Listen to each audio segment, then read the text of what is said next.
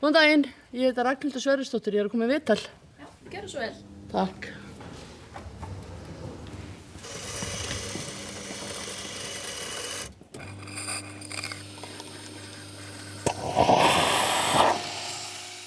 Ég heiti Ragnhildur Sverrisdóttir og ég kom út svona á tímabilnu 1978 til 82.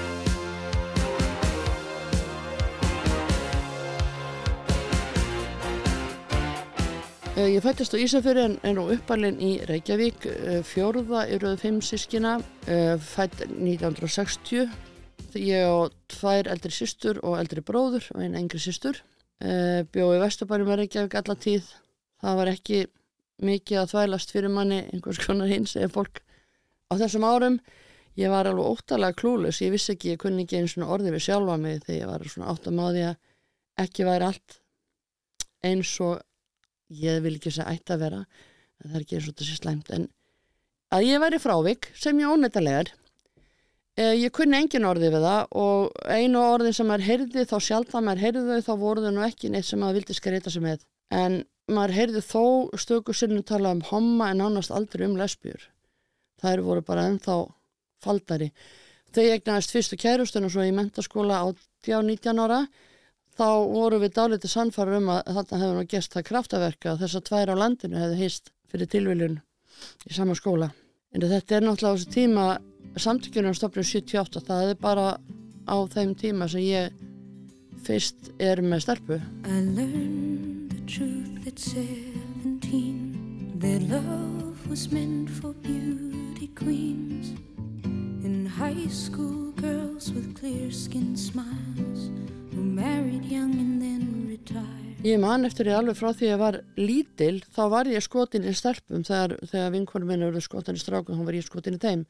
Frá því ég var bara lítil, ung og svona alltaf þetta kynþórska árunum og svona, en ég vissi ekki að það væri hægt. Ég ímyndaði mig þá bara, ef ég var í strákur, þá myndi ég sko bjóða þessar stelp út eða reyna að vera kærasti þessar að ég vissi ekki að það væri hægt sem stelpa að eiga kærustu.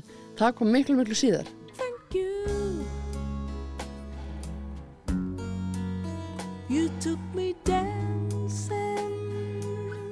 Fljótlega eftir ég kynntist þessari mentarskóla kærustu mínu, þá fórum við nú svona að, að líti kringum okkur og við vissum á stofnum samtakana, það hefði verið fjölmjölum og við höfðum upp á þeim, já, sendum bref, það var að bóða upp á að senda bref í eitthvað posthólf og þetta var tölur fyrirleikur að því að við vorum að skítrætta við svarbrifið. Það mátti ekki koma heim til fóreldra okkar. Eh, hún samtöfu ömmu sína um að fá brifið hangað að því að mann er að lofa að opningi postum bærist í hennar nafni. Og þar fengum við fyrsta svarbrifið og það var eh, fréttabrif samtakana. Það var mjög fókuserað á homma og, og svona eh, þeirra politík víða um heim og tvær átjánar starf voru náttúrulega alveg tíndar yfir þessum svörum. En fóru samt mönnuðs upp á að fara á fund sem var þá í kjallarum í Garðastræti húsnaða samtökar hann þá.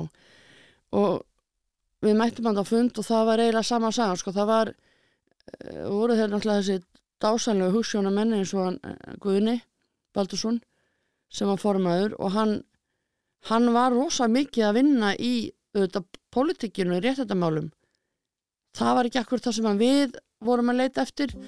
Við sátum hann að fundum á honum og nokkur um öðrum og, og, og það var einhvern veginn ekkert. Við gátum ekki tengt við erfiðleika pressins í Sviss sem misti kjól og kalla því maður hommi. Við vorum bara átjáðan og stelpur á Íslandi og þurftu bara að kynast öðru hins eginn fólki. Og það var ekki fyrir nefn eftir einhver tíma og það slýsast alltaf einhverju af yngre homunum inn á fund og bjóð okkur í partí og þá allt í hennu sá að það voru fleiri á landinu.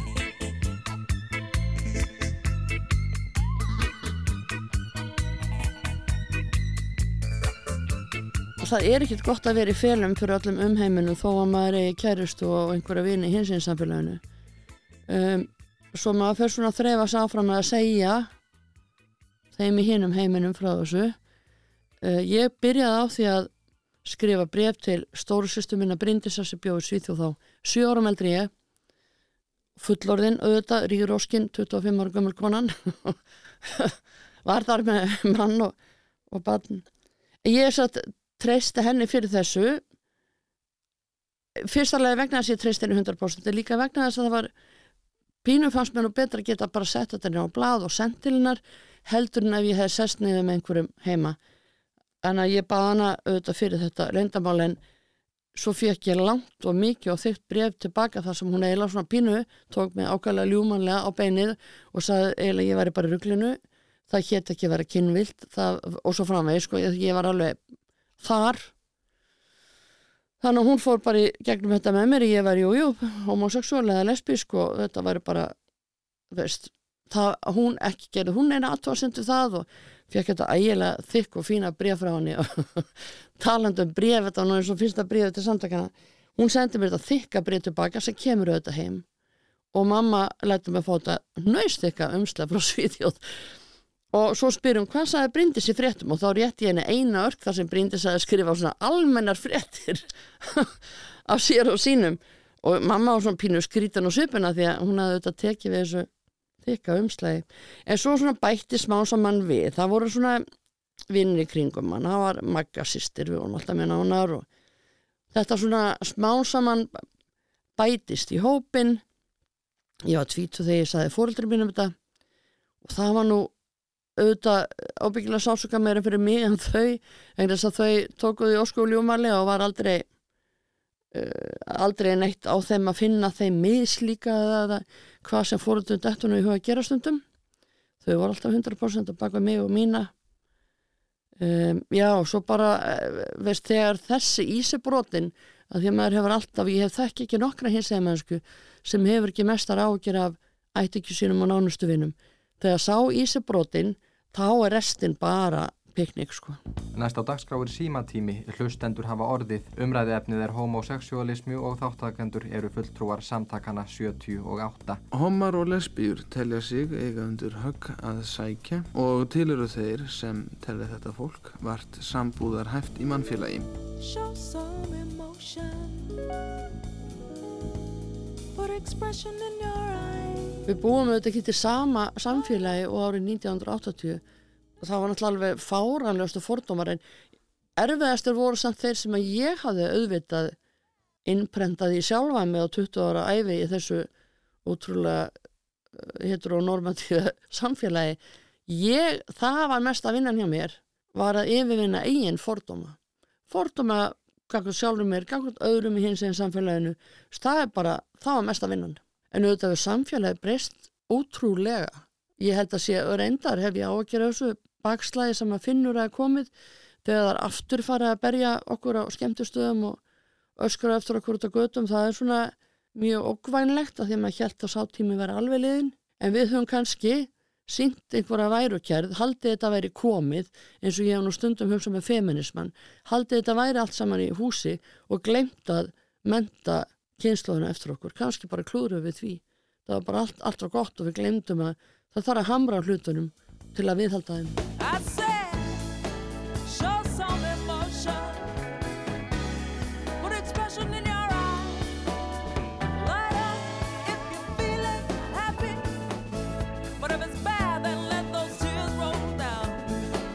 Það er ótrúlega mikilvægt að koma út úr skapnum vegna þess að það er þú er þú ert ekki heil fyrir en þú hættir að fela svona stóran og mikilvægan hlutaðir það er bara ekki hægt. Það er alveg hægt, þú veist. Jújú, stelpuna leia bara saman og það eru voka og vinkur og allt þetta þú veist, fólk skilur ekki alveg að hverju þetta ætti að vera meðandi en það er það nú samt. Þú vilt alveg geta gengi beini bakkinu og guttuna með þinni konu og að vera bara frjáls. Ég reyndar en þetta, þetta upplega þannig að þetta 110% frelsi því næ ég bara í hópi annars hins eginn fólks þar sem að skilningun er algjör. Vegna þess að ég hef aldrei mætt neinun um að velvilja og veist ást og væntuþykju en þessi 100% skilningur hann er ekkit endilega annar staðar en hins eginn samfélaginu. Og það er allt í lagi alveg skiljanlegt. En eftir sem ári líða finn ég þetta betur. Hvað þegar ég kem í hóp hins egina þá léttir að mér þessu örlittla fargi sem ég gerði mér ekki grein fyrir að væra þarna. En er þarna vegna þess að heimurinn er svo fjári heterosexual að við verðum fyrir svo miklu áreiti á hverjum einasta degi.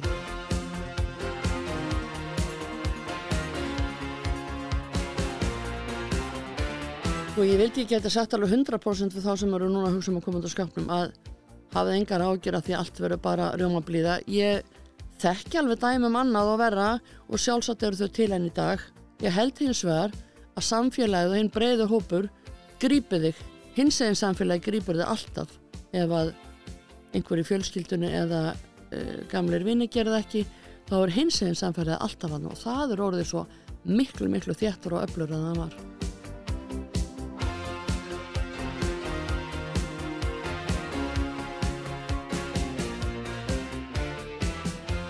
langstæsti hjallin við að koma út úr skapnum langstæsta hindurinn emmaði sjálfur að segja þetta upp átt og, og vera þar með búin að ákveða að þetta það verði ekkit undan þessu komist. Vegna þess að ég er eindalega að komast undan þessu þetta var ekkit æskilegast. Ég hefði alveg vilja að vera bara eignast kærast á eitthvað svona þess, það var svo miklu auðveldara. En þegar maður loksins horfist þau við að það er bara ekki hægt og þá verður maður nú eða bara umfæðma þetta og, og njóta þess það sem eftir er